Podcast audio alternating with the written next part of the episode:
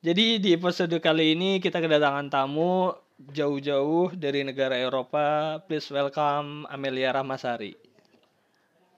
Kalau Halo. Aji, kok kaku gini kan kalau kayak gitu? Iya makanya tadi lu mintanya ini apa ada assalamualaikum terus intro intro Ya udah ya udah, ya udah yuk. nggak usah terlalu inilah di obrolan Iya. cerita kita karena kan kita yang bercerita bukan orang lain Ya oke. orang lain mendengar Oke. kita yang bercerita gitu loh Jadi lu nanya ke gue berapa tahun di sini Ji? iya lu udah berapa tahun sih di Paris Sama kayak kita kuliah kan. hmm, beda dong Coba. Lu kuliah lebih cepet Ji. Ji, Oh, emang lu ada bimbingan lembaga dulu ya? gue ada bimbingan lembaga dulu lima bulanan di Indo.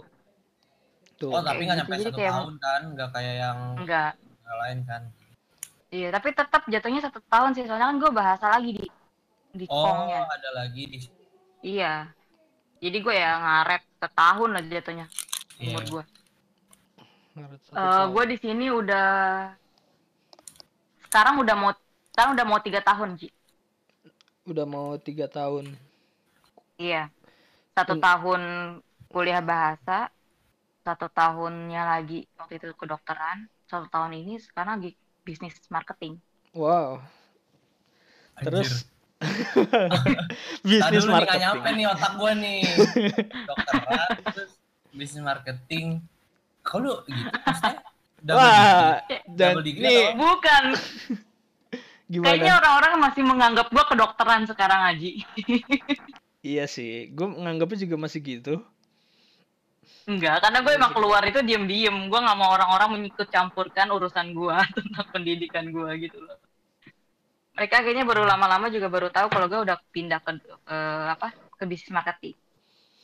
Udah setahunan kan gue di bisnis marketing. berarti lu meninggalin kuliah lu itu Iya, gue dari ninggalin kedokteran gue ninggalin kuliah gue itu demi atas pengetahuan orang tua gue juga. Karena Oh. ya demi. oke tante kalau Karena gue punya misalnya pertimbangan.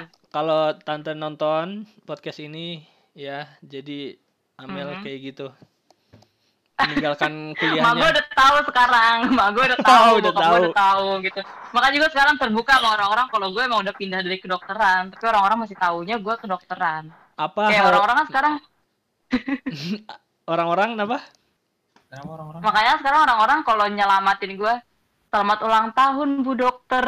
oh Oh. Gue udah bukan bu dokter lagi bu, gue gituin aja. Tapi kenapa lu pindah? Jadi kenapa gue pindah dari kedokteran? eh, gue sekarang kayak sekarang cerita ke Hipzi aja kali ya jatuhnya ya. Ya, boleh. iya boleh Iya kan sih? Iya. Jadi gue tuh kenapa kedok eh, keluar kedokteran sih? Waktu itu kayak gue ini kan masuk kedokteran waktu awal itu dari Kong kan. Dari Kong itu kan bahasa dulu tuh. Setelah itu kita apply-apply raport, menilai UN, semuanya nilai bahasa. Dia apa untuk universitas negeri.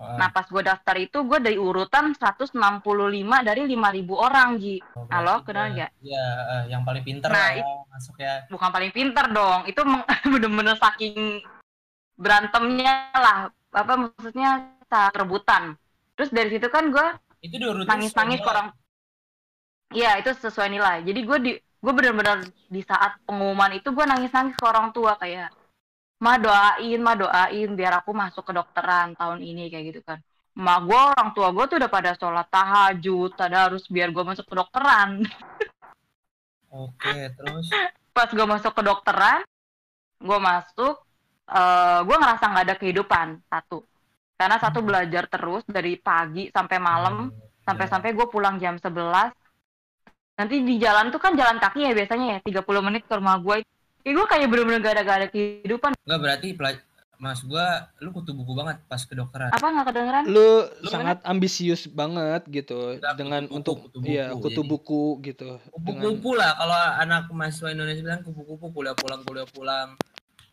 Ih, enggak justru bukan kutu buku saking nggak ada waktu untuk main sih Ya kutu buku berarti dong.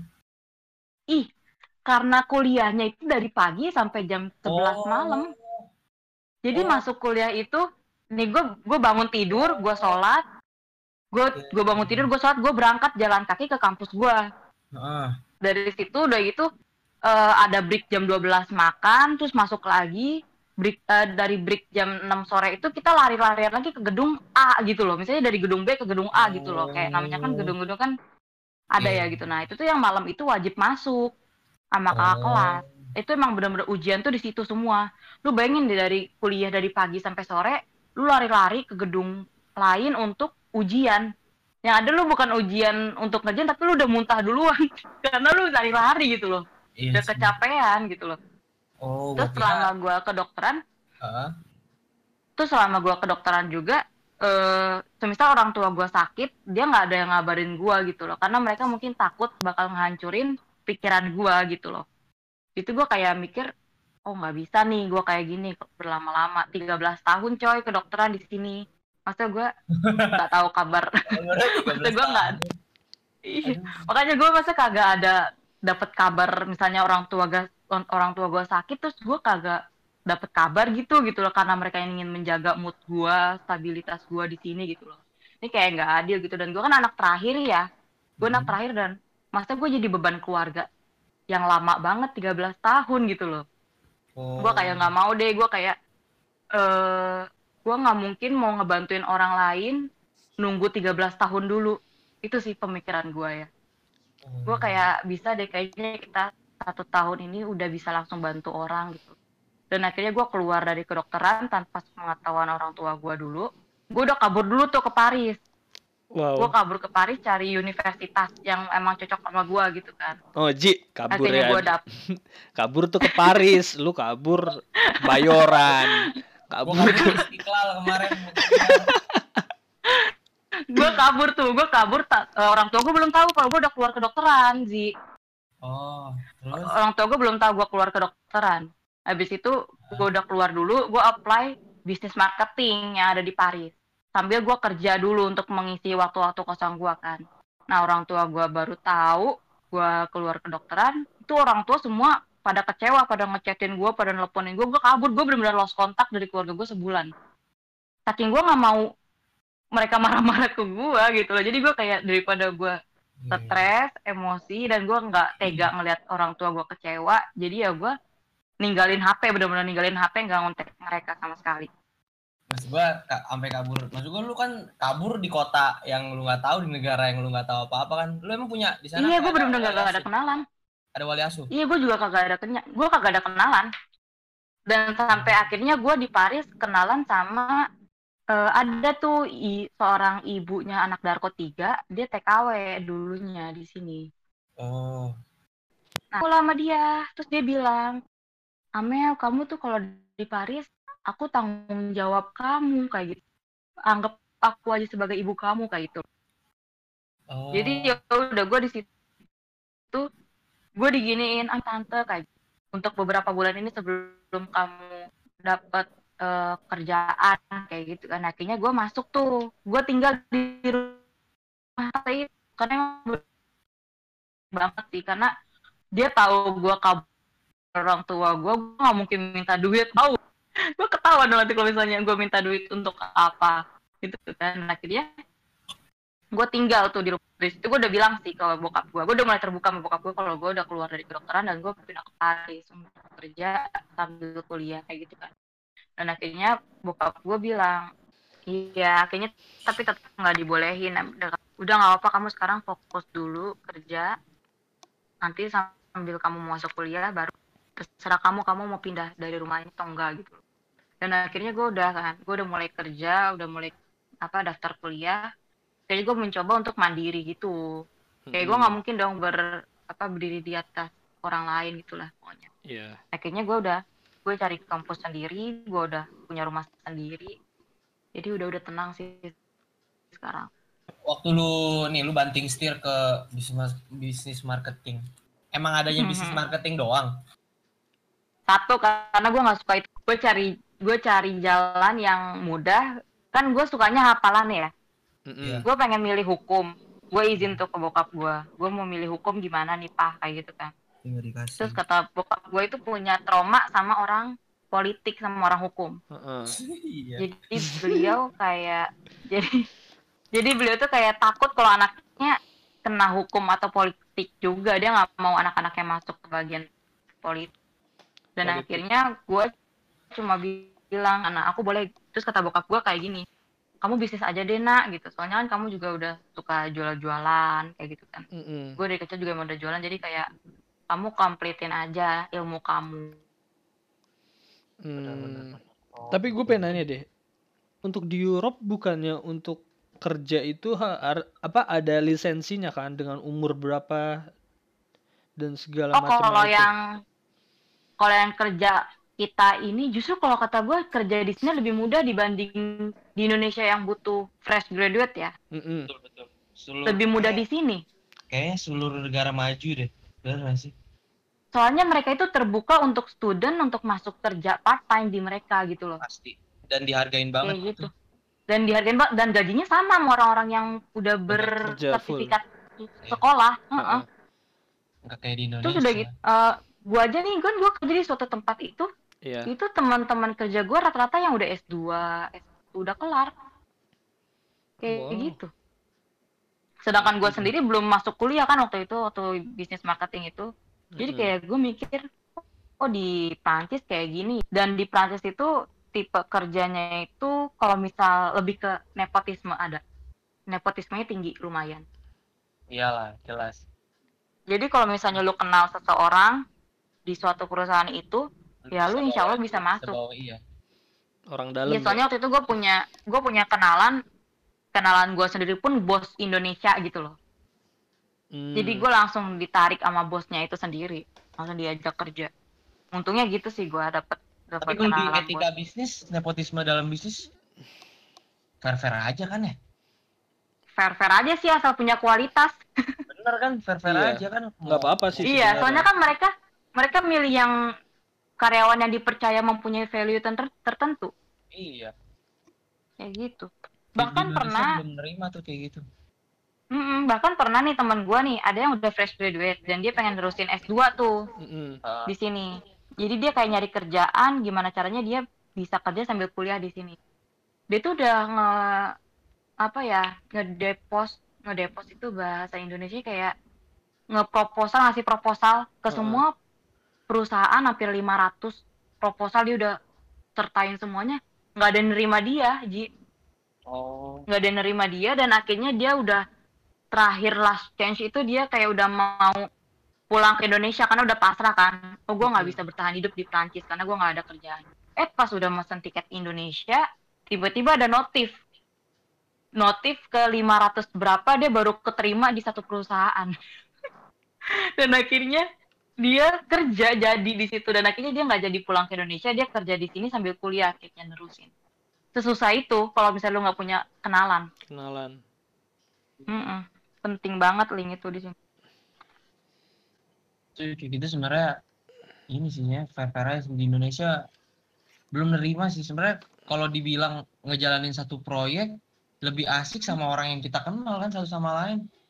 Iya dibandingin makanya ada orang baru fresh iya fresh graduate Fresh tapi kan ce- harus butuh chemistry juga dong iya makanya itu kan di sini kayak Butuh. enak terus gajinya juga dia jujur kan karena namanya dikontrak dan mereka nggak bisa membohongi pemerintah kalau misalnya kita hak kita sebenarnya 900 euro per bulan Heeh.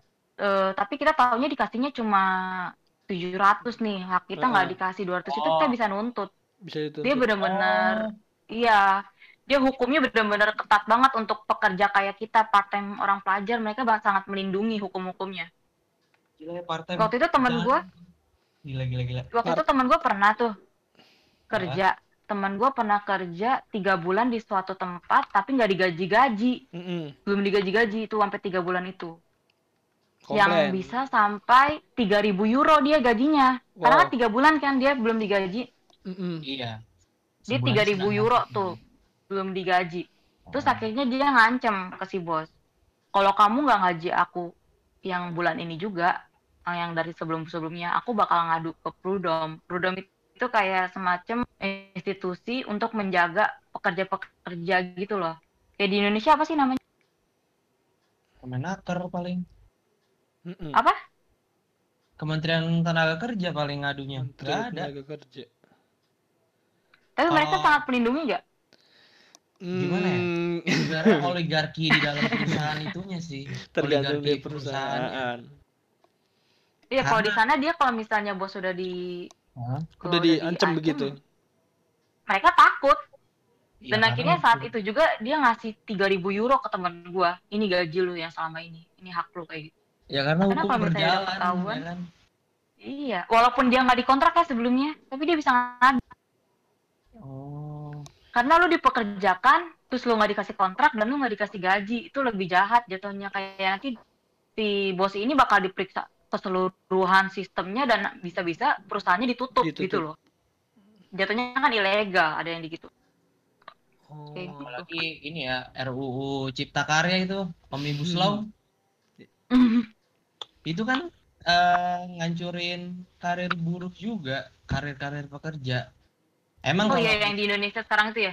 Iya, emang kalau kita jadi yang owner perusahaan emang tentu enak banget sih kalau emang itu diketok gitu ya RUU-nya.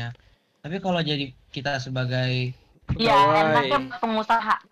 iya pemotongan upah lah segala macam jam kerja kan sekarang aja yang tadi lu bilang eh, misalnya gaji lu harusnya 900 terus kemudian dipotong-potong dan tuh gue udah pernah nemuin gitu loh kayak gitu dan saudara gue sendiri yang ngerasain om gue gitu dia dipotong dari atasan harusnya 7 juta cuman yang nyampe ke dia cuma 4 juta lebih banyak potongannya dibanding iya gaji. makanya dia dia seorang engineer engineer pesawat malah digaji cuma 4 Anjir. juta harusnya 7 juta Engineer. harusnya harusnya 7 juta 8 juta dia punya Aha. ada slip gajinya segitu cuman dia gimana ya karena dia ti- eh, emang perusahaannya anak-anak BUMN jatuhnya bukan dikelola pure sama negara udah jatuh anak BUMN oh. Jadinya banyak Hmm. banget oligarki dalamnya kepentingan yang punya. Inilah itulah akhirnya kepotong-potong gajinya. Yang nyampe di tangan dia cuma 4 juta. Gila ya. di setengahnya. 8 juta. Di slipnya 8 juta. Setengahnya berarti. Makanya gue bilang "Oh, nggak bisa gua. Kalau lama-lama kalau seterusnya gue jadi profesional nggak bisa. Gue harus pengusaha bisnis ah, iya. Nggak bisa kalau gue Tapi terus sama Beruntung sih untuk orang-orang yang pembisnis kalau untuk ini ya RUU sekarang ya. beruntung banget beruntung banget. Sebenarnya bertolak belakang kalau- sih. Apa-apa? ada ada plus minus juga sih kalau kita sekarang fresh graduate kita masa kita langsung jadi pebisnis enggak kan? Pasti kita Enggak. jadi pekerja. Ikut ikut orang dulu kerja. Tapi kita punya cita-cita mau jadi pebisnis terus kita sekarang tentang RUU itu sebagai mahasiswa nih tapi nanti ketika kita jadi pebisnis "Lah, Support. apa gua tentang ya? Dulu apa gua tentang? Itu kan enakin gue juga nantinya. Enggak mungkin Iya, waktu itu waktunya belum tepat kita dinamikanya gitulah sekarang tuh makanya bingung kita waktunya gua. belum tepat. Makanya Mungkin masih- karena posisinya orang tua orang tua lu yang maksudnya dan orang-orang terdekat lu juga posisinya lagi saat bekerja kan, pekerja kan. iya pekerja Kayaknya kita kasihan sama mereka-mereka yang mencari nafkah untuk keluarganya gitu tapi dipotong-potong iya sampai benar yang di PHK. Sekarang kan sistemnya sistem kontrak juga kayak di Prancis kan di Indonesia. iya Iya. ada tanda tangan kontraknya setiap pekerjaan Kayak sekarang Indonesia tuh mulai sama kayak Prancis sih tau gue tentang kontraknya. Kayak di awal pertama masuk dia kontrak 6 bulan dulu. Terus kalau lu memuaskan lu bakal memuaskan, dikontrak seumur bakal hidup. dikontrak, iya seumur hidup Iya. Gue nah gue waktu itu kerja di suatu tempat itu gue langsung dikontrak seumur hidup cuy. Gara-gara gue kenal bosnya. Dan bosnya suka sama value gue tentang sama kinerja gue tentang kerja itu. emang sih emang enak banget ya kalau kayak gitu tuh Mm-mm. kalau udah kenal Iya. dalamnya Iya maksudnya budaya maksud gua nepotisme dalam bisnis tuh emang emang fair fair aja nggak ada yang salah kan kalau di sini kayak ah lu curang lu ah ujung-ujungnya juga keluarga lu yang diambil di perusahaannya Iya. padahal kan emang yang kita butuh tuh chemistry sama ya kinerjanya dia kalau emang dia trust. bagus kenapa enggak iya trust bener Trust, trust juga percayaan Percayaan soalnya kita nggak bisa cepat percaya sama orang lain. iya Iya. itu sih yang beda jauh banget beda jauh banget ya tapi Indonesia sekarang jadi negara maju cuy Belum. Tapi Udah. mau berkem dikasih Udah sama maju. Trump. Dikasih sama Trump. Itu mah karena karena ih gue tahu itu. Cuma itu bukan maju sesuai Iya, generalis iya, ya iya, tau iya. gue Biar- mereka biar cuma lu- takut. Trump Eh. itu cuma gak mau mereka turun. Dia maunya tuh dia tetap kaya gitu loh. Makanya Iya. menaiki. dia nggak mau Indonesia kaya anjir. Eh, jahat banget Trump tuh. Orang-orang orang udah seneng banget loh. Orang gue gue gue gue paling mandangin kalau Trump udah ngomong terus sama buzzer-buzzer politik Indonesia main wah Indonesia negara berkembang ini ini, ini. padahal mah lagi direndahin ini mah. Jahat banget ya. Iya. Aduh. cuman orang-orang sini juga nggak be- dia pada benci Trump sih. Orang jelas dong. General dong Eh, kayaknya ya. Iya. Kayaknya hampir semua negara deh. Iya kayaknya mereka tahu kalau sebenarnya tuh Amerika itu baik cuman pemimpinnya aja. Iya iya. Yang Bener. ini. suatu kaum Dan pasti pemimpinnya- baik sih. Tapi gimana pemimpinnya Iya. sih? Tapi pemimpin itu mungkin jadi suatu boneka suatu institusi juga? Pasti pasti. Pas- gue gue paling demen kalau udah deng- baca-baca denger-denger podcast konspirasi tuh sih yang di atas Amerika masih ada em, apa sih yang apa sih yang Yahudi bukan percetakan uang itu loh. Jadi di atas Amerika tuh masih ada kayak suatu organisasi dia tuh yang Mhm. kontrol percetakan uang di dunia. Wow. Makanya bisa gua- gitu ya? Ya di YouTube banyak di YouTube banyak. Entah percaya atau enggak ya tapi ya kenyataannya Amerika yang mimpin sekarang. Dan kalau lu takutnya sama Amerika Hmm. masih ada lagi di atasnya gimana? Ya Tanya konspirasi kenapa kalau misalnya orang-orang yang nggak yang nggak nurut sama Ri- Amerika langsung dibasmi Hmm, Bener sih. kayak gitu sih konspirasinya Hmm. Heeh. makanya untungnya kalau gue tuh waktu itu sempat pengen nerusin S2 gitu ya di apa ya daerah Turki gitu kan Mm-mm. tapi kan dia masih berbau-bau Arab kan bokap Iya. gue kayak ngomong kamu jangan deh nak yang tempat-tempat berbau Arab masih berbau-bau banyak kerang paham gak sih Oh. jadi kayak bokap gue tuh takut dibanding gue nanti tahu-tahu meninggal walaupun itu jihad ya tapi gue juga ngeri lah ya namanya anaknya. Namanya namanya anak kan taunya meninggal karena ketembak apa gitu kan bom apa gitu kan.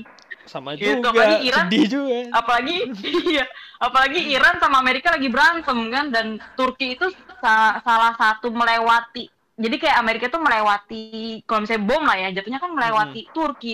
Kalau Oh. bomnya agak jatuh Iya, kan nggak ada yang tahu nggak ada yang tahu Iya. juga ya. kayak gitu dan bokap gua kayak lebih milih gue di Eropa karena Eropa tuh tipe-tipenya ngambil aman gitu loh Iya sih. gue nurut aja deh biar biar negara gue aman, gitu Aman. biar nggak ada perperangan di sini gitu mereka makanya nurut-nurut aja Oh, kayak gitu Eh, eh, tapi Eropa kan negaranya satu sama satu nyambung ya?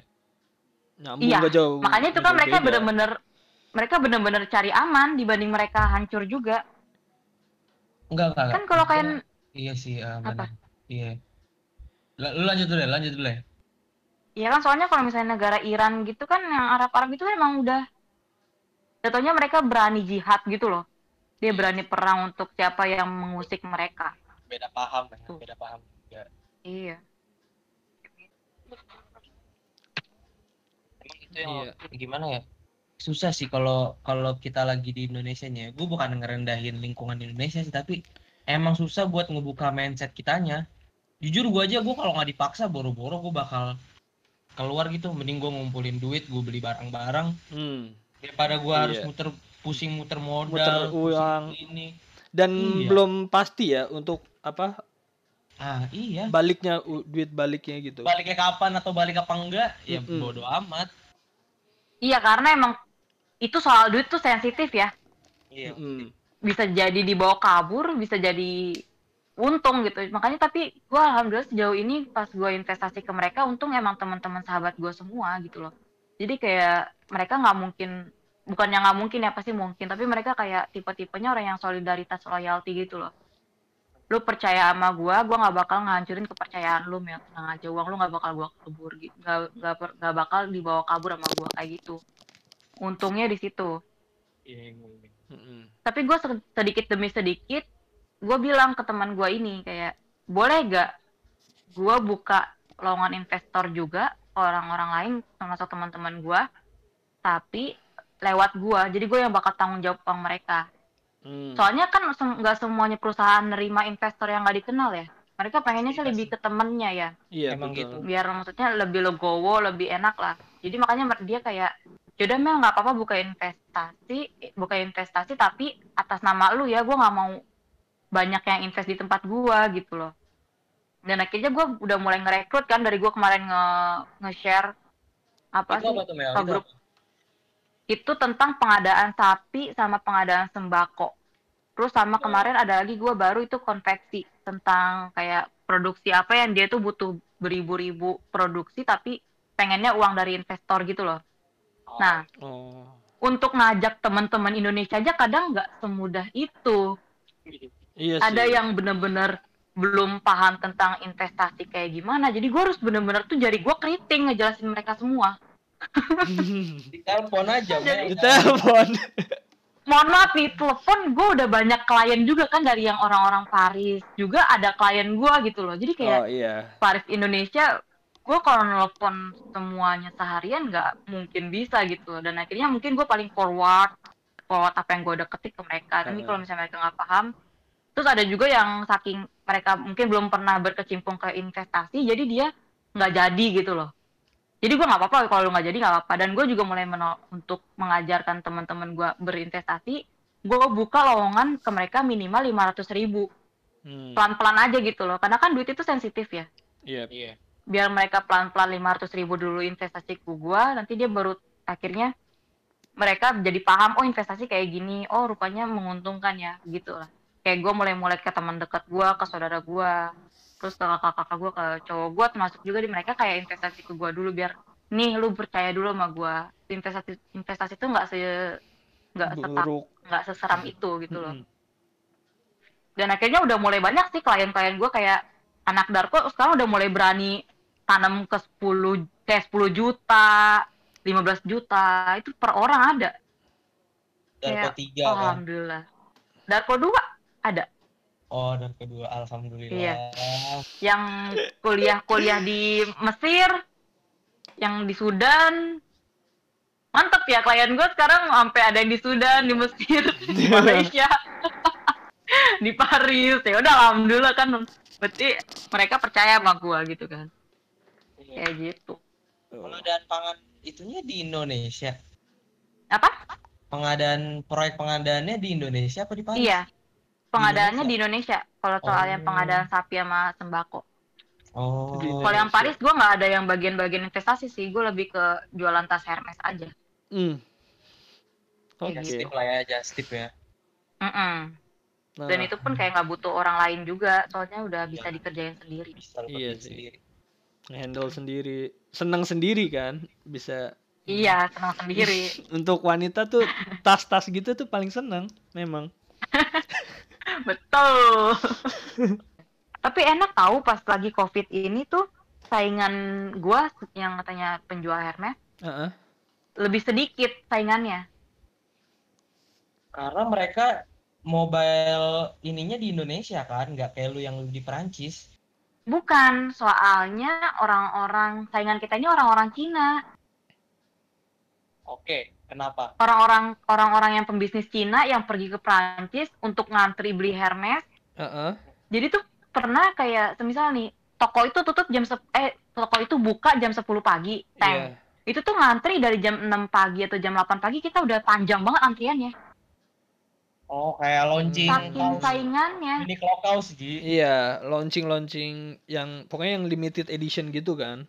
Iya itu yang limited edition yang semua orang nggak bisa semuanya dapat gitu loh jadi tuh temen gua ngantriin buat gua pagi-pagi di depan udah di urutan pertama gua datang-datang ini aja pas tank aja jam Heeh. 10 gua datang Udah Tapi mereka emang kita emang udah tugas sih. Nanti pas misalnya gue datang jam 10, gue gantiin posisi dia, dia Heeh. pulang atau nggak kerja tempat lain. Jadi gue bener-bener tinggal masuk aja, tinggal acting. Halo, gue pengen Heeh. beli ini kayak gitu. Seorang orang sok kaya lah gitu. Iya. Berarti lu Padahal buat secara dijual lagi. lu secara secara nggak langsung joki bukan dalam artian iya, joki itu ya kan? itu ya. Secara nggak langsung gue joki dalam Heeh. ini dalam penjualan Hermes ini. Nanti ada juga kadang kita kayak acting, gue sama temen gue kan cowok sih misalnya gitu. Heeh. dia kayak ngegandeng gua halo this is Oh, my wife oke. want to choose one bag Ah, oke. Terus nanti gua ngomong halo aku eh, aku pengen banget nih ngasih ke orang tua aku kado. Mm-mm. oh nanti harus silakan harus duduk gitu tuh harus harus kayak gitu. Harus acting karena biar kita nggak ketahuan kalau Oh. kita bakal ngejual lagi gitu loh. Oh kita emang bener-bener- nggak boleh? Jadi reseller nggak boleh nggak boleh. Oh, ini sangat dihalang. Kalau di Indonesia mah lomba jadi reseller. Dan harga Iya. jualnya yang bisa dua kali lipat. Iya. Satu nah itu dia. Apa? makanya di sini semisal harga tas eh, waktu itu kan gue pernah tuh ngejoki yang harga tasnya itu semisal 60 jutaan. Mm-mm. tapi ada orang Indonesia yang mau beli tapi nggak dapet dapet Iya. turis tuh di sini. Dia bilang kamu dapat tas ini kayak gitu kan. Iya aku dapat tas ini kayak gitu. Boleh gak saya beli 95 juta? Kayak gitu. Akhirnya dapat lu bayangin dong 60 juta atau 90 juta lu untung 30, berapa 35. Anjir. ya udah itu kayak begitu enak bisnisnya di situ dan mereka yang 95 juta dia bakal jual lagi di Indonesia seharga 100 juta atau 20 120 Iya. juta kayak gitu deh pokoknya Tapi lu pernah Saya nanti tadi- apa dapetin kroko? Eh, pernah yang ada diamondnya juga bahkan Harga Yang harga beli harganya- aslinya berapa? harga beli aslinya ntar berapa Lebih sekitar sepuluh ribu sih. euro sih itu mahal banget sih kalau itu pas gua mau dapat itu gua nggak gua nggak mau beli itu soalnya Hmm. jatuhnya gue susah dapat klien nanti Oh. nggak semua orang Indonesia kaya soalnya Iya sih. dan kalau bisa yang kayak begitu-gitu jualnya langsung kayak ke Syahrini, Iya sih. Rana iya. Gita gitu sedangkan kita jual lagi ke orang-orang resellernya Indonesia kayak gitu Oh, Berarti ada orang lagi di bawah lu sebelum nyampe. ada ada orang lagi Ada lagi. yang di Indonesia itu yang di kebanyakan tuh di Surabaya, Batam, gitu. Crazy Rich Orang-orang Surabaya. Surabaya itu orang kaya semua loh. Iya, Crazy jelas. Rich. Surabaya, Kalimantan, Batam. Iya. Rata-rata nanti misalnya nih kita dapat nih dari stok di Paris, kita kirim ke orang-orang kayak yang di Surabaya itu. Oke. Kayak gitu. Soalnya emang, emang parah sih Hermes ini kayak gue juga baru pernah kenal. Gue kenal Hermes juga ada gara-gara di sini. Kayak diajak join terus akhirnya paham. Oh gini. Kayak gitu. Wow, Iya sangat cuan soalnya Ji. Balik ke sini lu bisa ini Ji, DP apartemen Ji. Ah. Itu tuh gak, ini ya. Apa? Indonesia tuh apalagi kan gengsinya tinggi ya.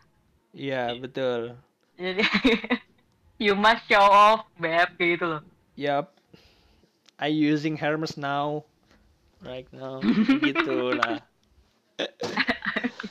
Aduh. Tapi nggak apa-apa sih budaya kayak gitu tuh sebenarnya nggak apa-apa udah biarin maksud gua bro. bagi orang yang punya pikiran pengen apa sih ekspansi usaha dia ini orang-orang kalau Indonesia punya prinsip gengsi kayak gitu sebenarnya bagus juga sih Sebenarnya bener sih. Karena Perlu sih kayak gitu untuk eh, Enggak, maksudnya apa? kita bisa ya istilah, jahatnya kita bisa manfaatin orang-orang gitu buat Mhm. jadi lini usaha juga kan Iya, iya. itu poinnya. Lu nggak mungkin mau gua- invest tapi dengan apa gaya berpakaian yang biasa gitu. Apalagi lu sales akan nawarin ke orang. Mhm. Nah itu sangat penting sih. Dan untungnya klien-klien kita ini kan ke orang-orang yang gengsi juga. oh Kan mereka pasti butuh penampilan yang baik juga kan. Kayak, Amel, kamu ada tas ini gak? Kayak gitu. Amel ada ada jual gelang Hermes gak? Atau Hmm. ka- kalung Hermes? Atau jam Hermes? Atau apa sih namanya? Belt, belt Hermes. Yang Yap. itu tuh harganya 700 euroan. Satu beltnya. 700 euroan berarti berapa juta? sih, Ji? 716 ribu ya satu euronya. Heeh. 700 let's Berapa say sih kayak kayak 10 jutaan ya? sebelasan 11,2 11 11 Heeh, 10 juta deh 10 juta aja kali ya di Iya. 10 jutain aja 10 segitu terus misal harga aslinya 10 juta gue jual 15 juta masih oke dan itu untungnya 5 juta Ji buat belt Iya. doang tapi 5 juta di sana berapa? Makanya. di sana? 5 juta 5 juta di sana nggak banyak kan ya? Ih banyak dong masih justru untungnya ke bisnis itu juga dia bisnisnya juga enak. Jadi kayak lu jual satu tas aja lu udah untung minimal ya minimal tuh kayak 2 jutaan. Enggak 2 di Paris. jutaan itu 5 juta di Paris. Masih banyak. 5 juta jatuhnya 300 euro. 300 euro lu udah bisa apa? Ma- makan- makan. makan di restoran. Makan gua habis cuma 100 euro per bulan kalau gua hedon ya What? Kalau 100 hedon euro. 100 euro. iya Heeh. 100 euro itu gua hedon kalau hedon banget makan paling 200 euro itu Oh, ya masih banyak ya berarti ya. Berarti gitu makanya kan enak orang-orang yang beli Hermes di Indo tuh mahal banget ya. Kayaknya tapi kan itu emang kita harus cari link-link gitu loh dan untungnya juga teman-teman yang partner-partner gua dia punya link yang kan di Indonesia eh kan di Prancis ini kan menerima orang Indonesia yang bakal kita guide ya. Iya. Nah, tour guide juga gajinya lumayan gede loh untuk pelajar-pelajar gini. Satu Hmm. jam dibayar 10 euro.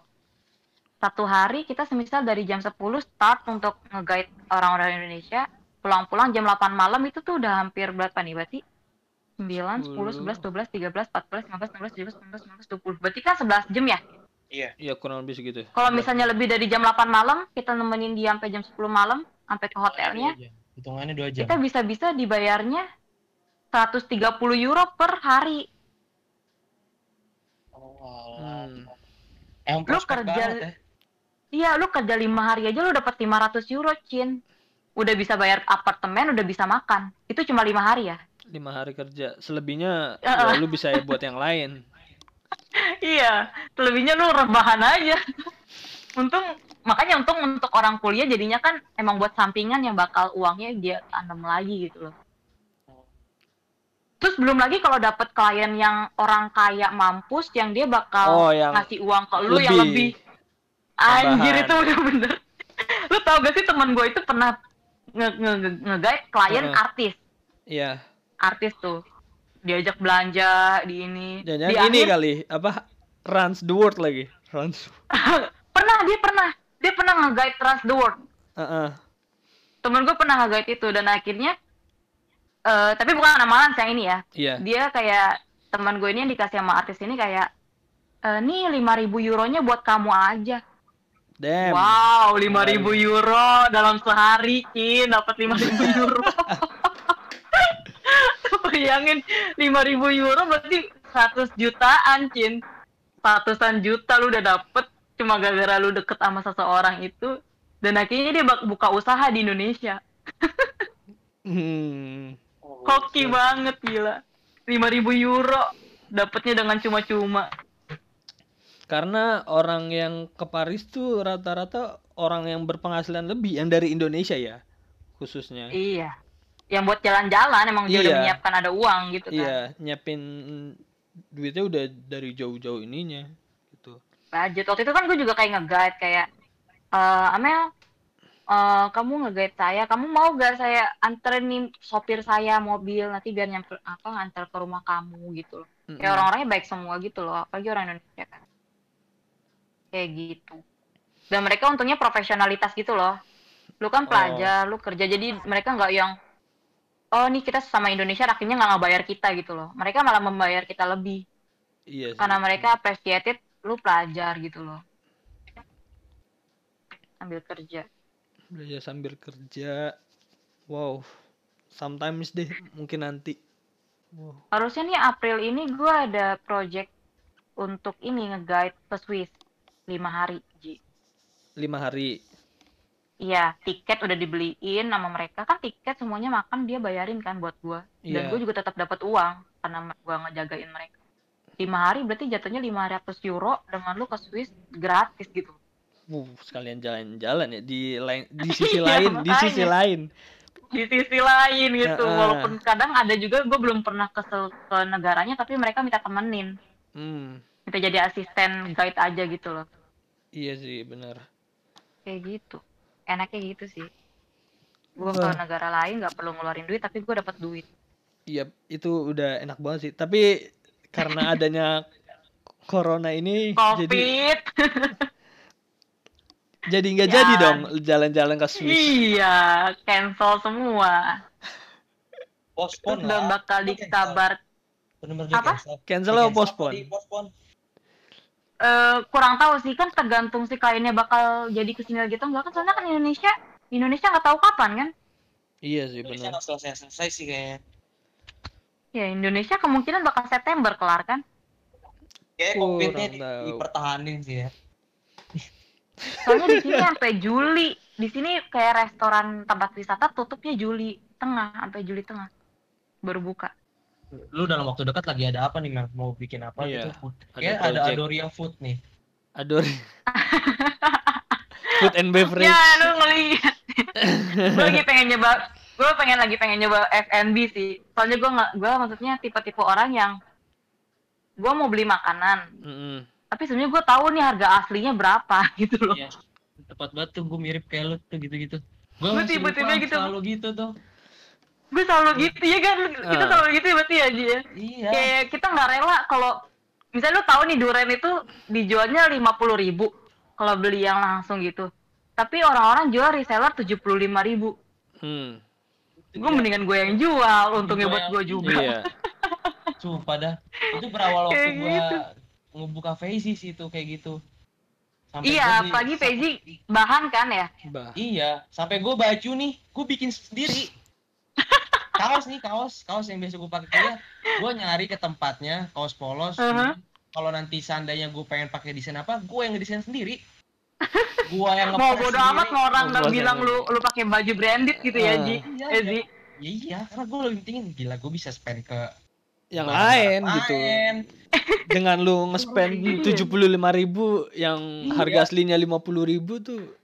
Baju kaos paling murah sekarang seratus lima puluh ribu kan, baju-baju distro. Ya benar Gua- ratusan gua ke atas lah. Gua sekali beli baju, bikin baju ya pakai press segala macem. Enggak salah eh Lima 50 anjir. Bajunya sama, yang main di distro distro bahannya, gue berani lu taruhan. bagi-bagiin sih Makanya gue bagi, gue, aduh, emang gitu ya? Gimana ya? Bukan bukan pelit sih ya, lebih ke mempertimbangkan sih. tapi emang sebenarnya jiwa bisnis itu dibutuhkan jiwa pelit juga Ji eh Ji Perhitungan, perhitungan sih. Iya. Lebih lebih bet- lebih tepatnya perhitungan, bukan pelit sih. Iya kalau pelit kan mungkin lebih Eh, pelit untuk diri sendiri iya. ya. Kalau perhitungan baru itu. eh, Gue belum siap dibilang pelit sih. perhitungan. Kalau pelit mungkin lu nggak bisa ngasih orang lain yang butuh itu jatuhnya pelit sih. Kalau kayak gini Iya kan sih. jatuhnya perhitungan. Gitu ya, perhitungan. Tanya kan waktu gue bangun laundry juga gue mikirnya keluarga gue ini nggak ada yang mau nyetrika gitu loh. Dan gitu. kalau nyumbang Oh. bibi buat nyetrika itu kayak ngapain sih lu cuma nge-hire orang buat nyetrika doang gitu loh. Mm-mm. Dan rata-rata orang-orang yang di hire nyetrika kadang-kadang punya man- manfaatin keluarga gue kayak bu anak saya sakit gitu loh. Wah, Iya, iya. Paham gak sih? Dan itu tuh cuma alasan, dijadiin alasan. Jadi Iya. minjem duit, minjem duit, minjem duit lagi, tapi lu kerjanya jarang gitu loh. Benar. Gitu. Itu di situ makanya gue Iya. kayak bangun laundry biar keluarga gue ya di nyetrika situ. di tempat gue aja. dan bakal gue dapat untung-untung juga dari keluarga gue gitu loh. Dan gue dan untung gue pun juga bakal dikasih ke mereka gitu loh. Iya. Jadi kayak circle aja gitu loh. Cycle-nya aja kayak lu bayar lu bakal dapat lagi gitu.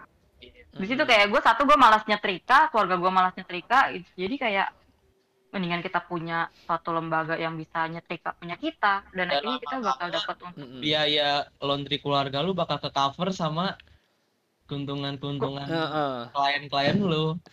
Iya makanya.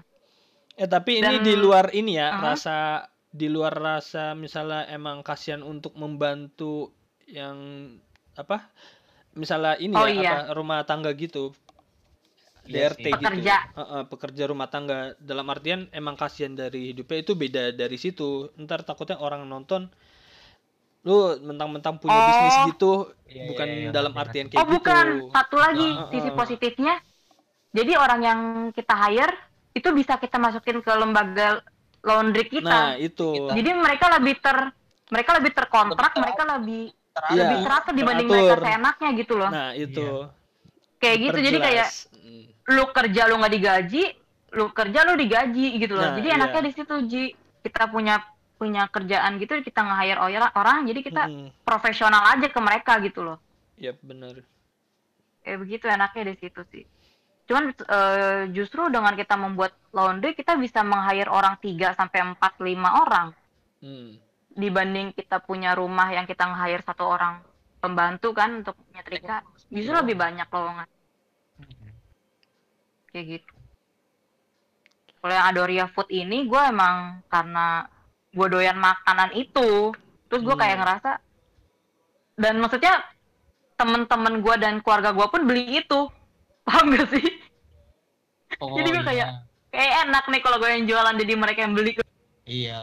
Gitu. Iya sih. Ya tapi emang kalau kita ngebangun bisnis ujung-ujungnya juga pasar pertama kita ya saudara-saudara kita sih. Iya. iya dan kita sendiri juga kadang. Dan kita sendiri juga kadang bener. Mm-mm. Saudara, orang sendiri, temen, temen dekat.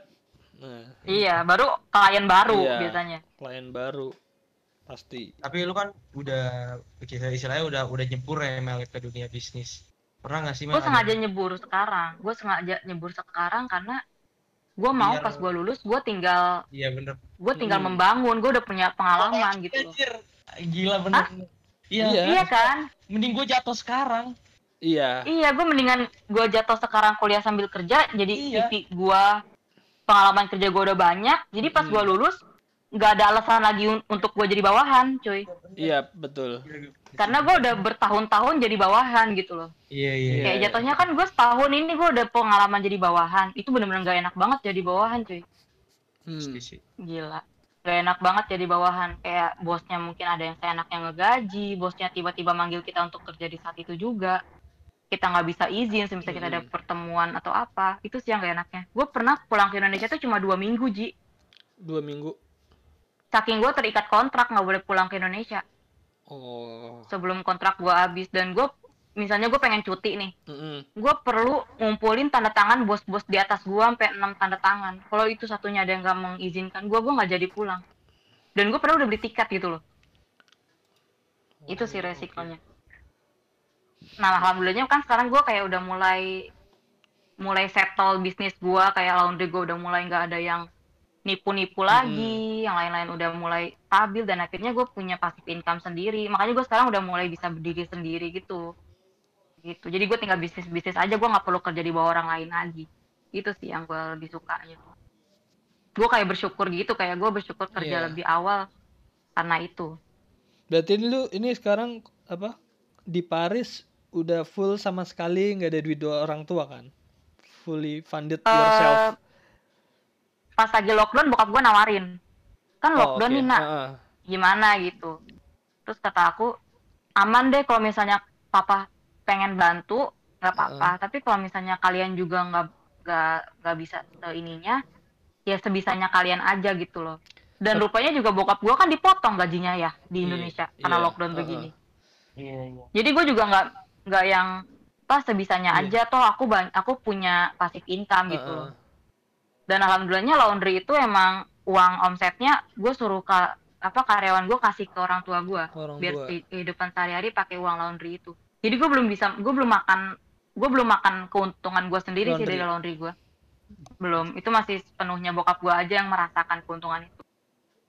Kayak gitu. Jadi karena gue pernah kayak punya nasihat dari bokap gue kayak hidup itu eh kayak tiga pesan yang dari orang tua gue tuh kayak satu kita jangan pernah keluar di saat ada matahari terus yang kedua kita jangan pernah nagih utang yang ketiga apa ya, ya gue lupa maaf ya pak. Gitu kan. yang pertama ini kita nggak boleh keluar di saat matahari artinya itu Artinya? kenapa kita keluar kerja keras pagi-pagi sebelum matahari terbit dan kita pulang sesudah matahari terbenam. Itu Hmm. kerja keras jatuhnya. Yang kedua kita nggak boleh nagih utang karena eh, gimana ya? Nah ada juga kan anak-anak yang nangkep yang salah. Pas misalnya kamu kenapa nak? Kok bangkrut kan papa sendiri yang bilang katanya nggak boleh nagih utang Hmm. teman-teman aku pada ngutang kayak gitu. Itu sih, itu sih Itu. pemikirannya. itu ada yang salah nangkep itu Ah. salah nangkep dan akhirnya itu kan itu bokap gue kayak ini ya dia ngasih cerita gitu kan nah, kayak bokap gue kayak ngomong ngejelasin maksudnya nggak boleh nagih hutang gimana semisal teman kamu ada yang minjem uang sebisa mungkin kamu ngasih uang ke dia jangan jangan minjemin Hmm. soalnya minjemin itu satu kita nggak tahu dia bakal bisa bayar kapan Iya. dua kita juga nggak enak lagi dan mendingan kita ngasih sebagai sedekah kan gitu loh. Iya. kayak begitu. Gue lebih gitu sih semisal ada orang kayak ngasih eh mau minjem uang ke gue terus misal sekitar seenggaknya itu bisa gue Mhm. masih nggak apa-apa deh. Itu bisa gue kasih. Jadi kayak udah gue ikhlasin aja pas di ulang tahun nih buat lu ya gitu. Gitu lu nggak usah bayar deh segini aja lu bayar gitu. Tapi kalau misalnya orang itu yang gue nggak kenal atau apa gue nggak bakal minjemin gitu loh kayak Iya takut sih. soalnya gue udah hampir berkali kayak hampir tiga kali gue ditipu sih yang kayak gitu-gitu jadi laki gue bener-bener udah ngetatin bank gue karena bank gue dipegang dia juga sepercaya itu gue sama laki gue Tapi Mel, lu kan udah udah ngebangun banyak nih ya nilainya ya. Mhm.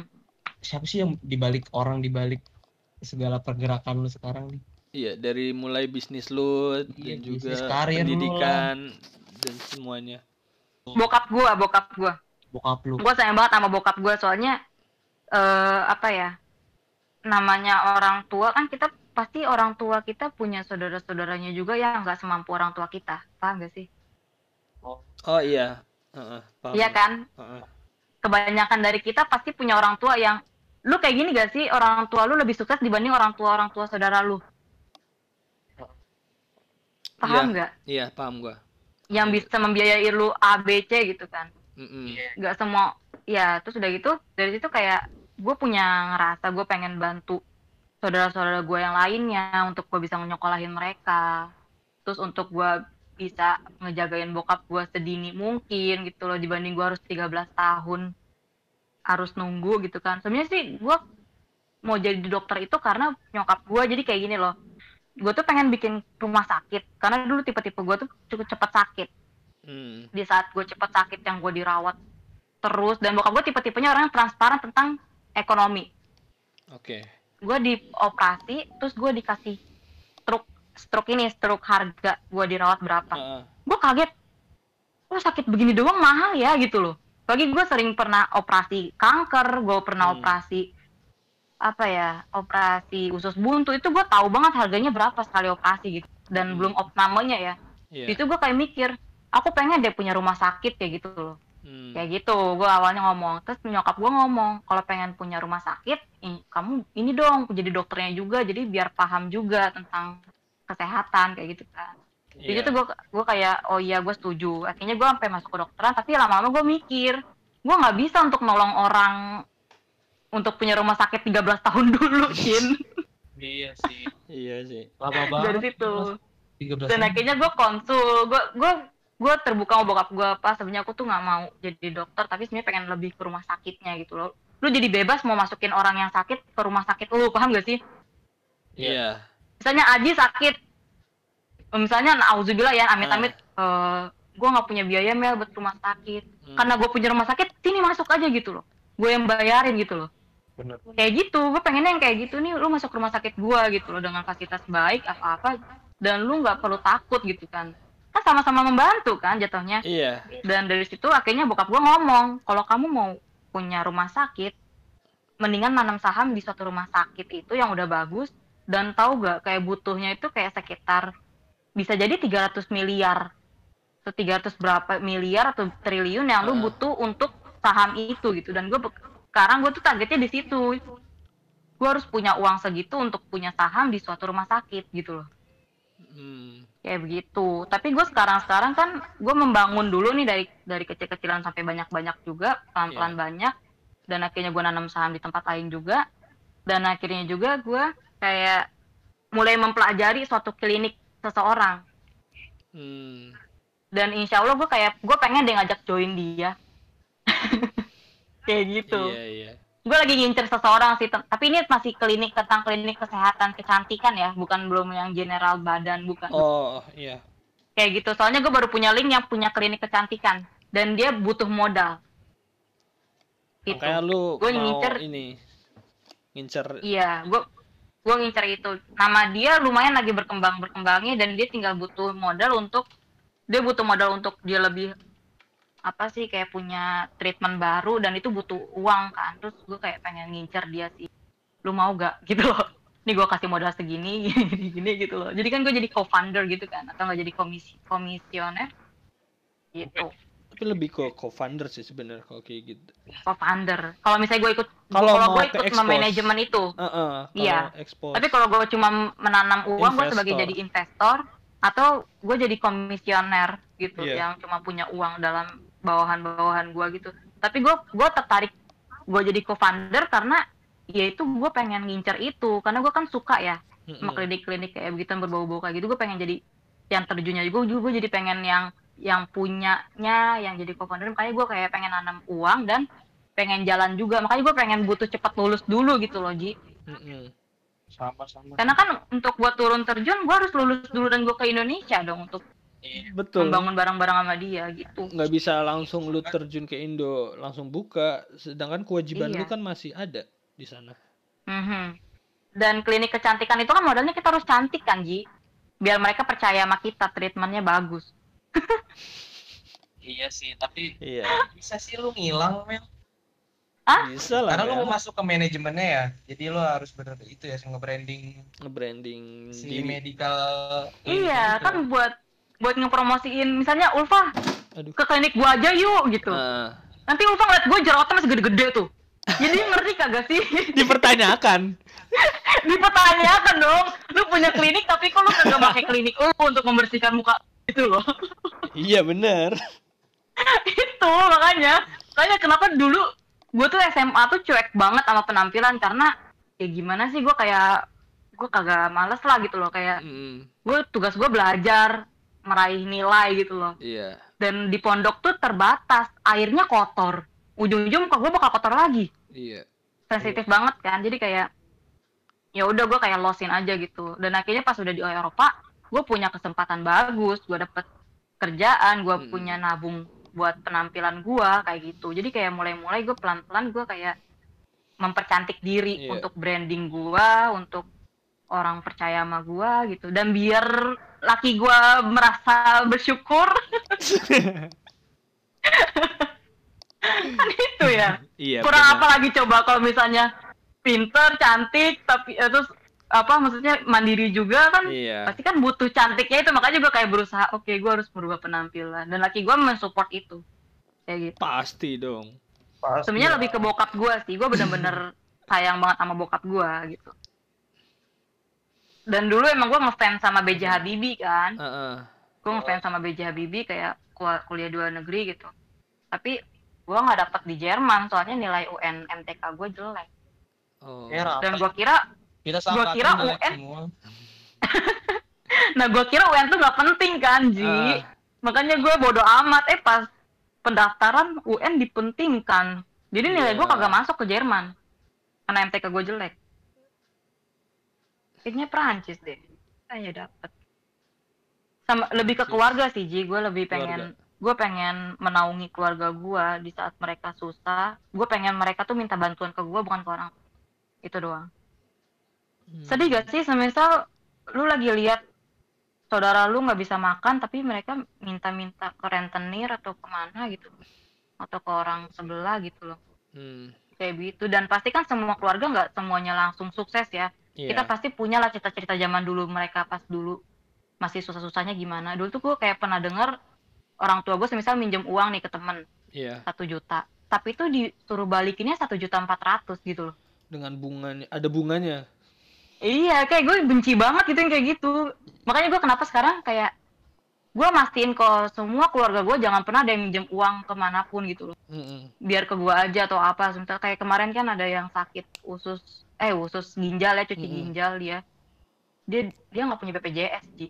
Dia nggak punya BPJS, Berarti dia nggak punya sendiri apa pun.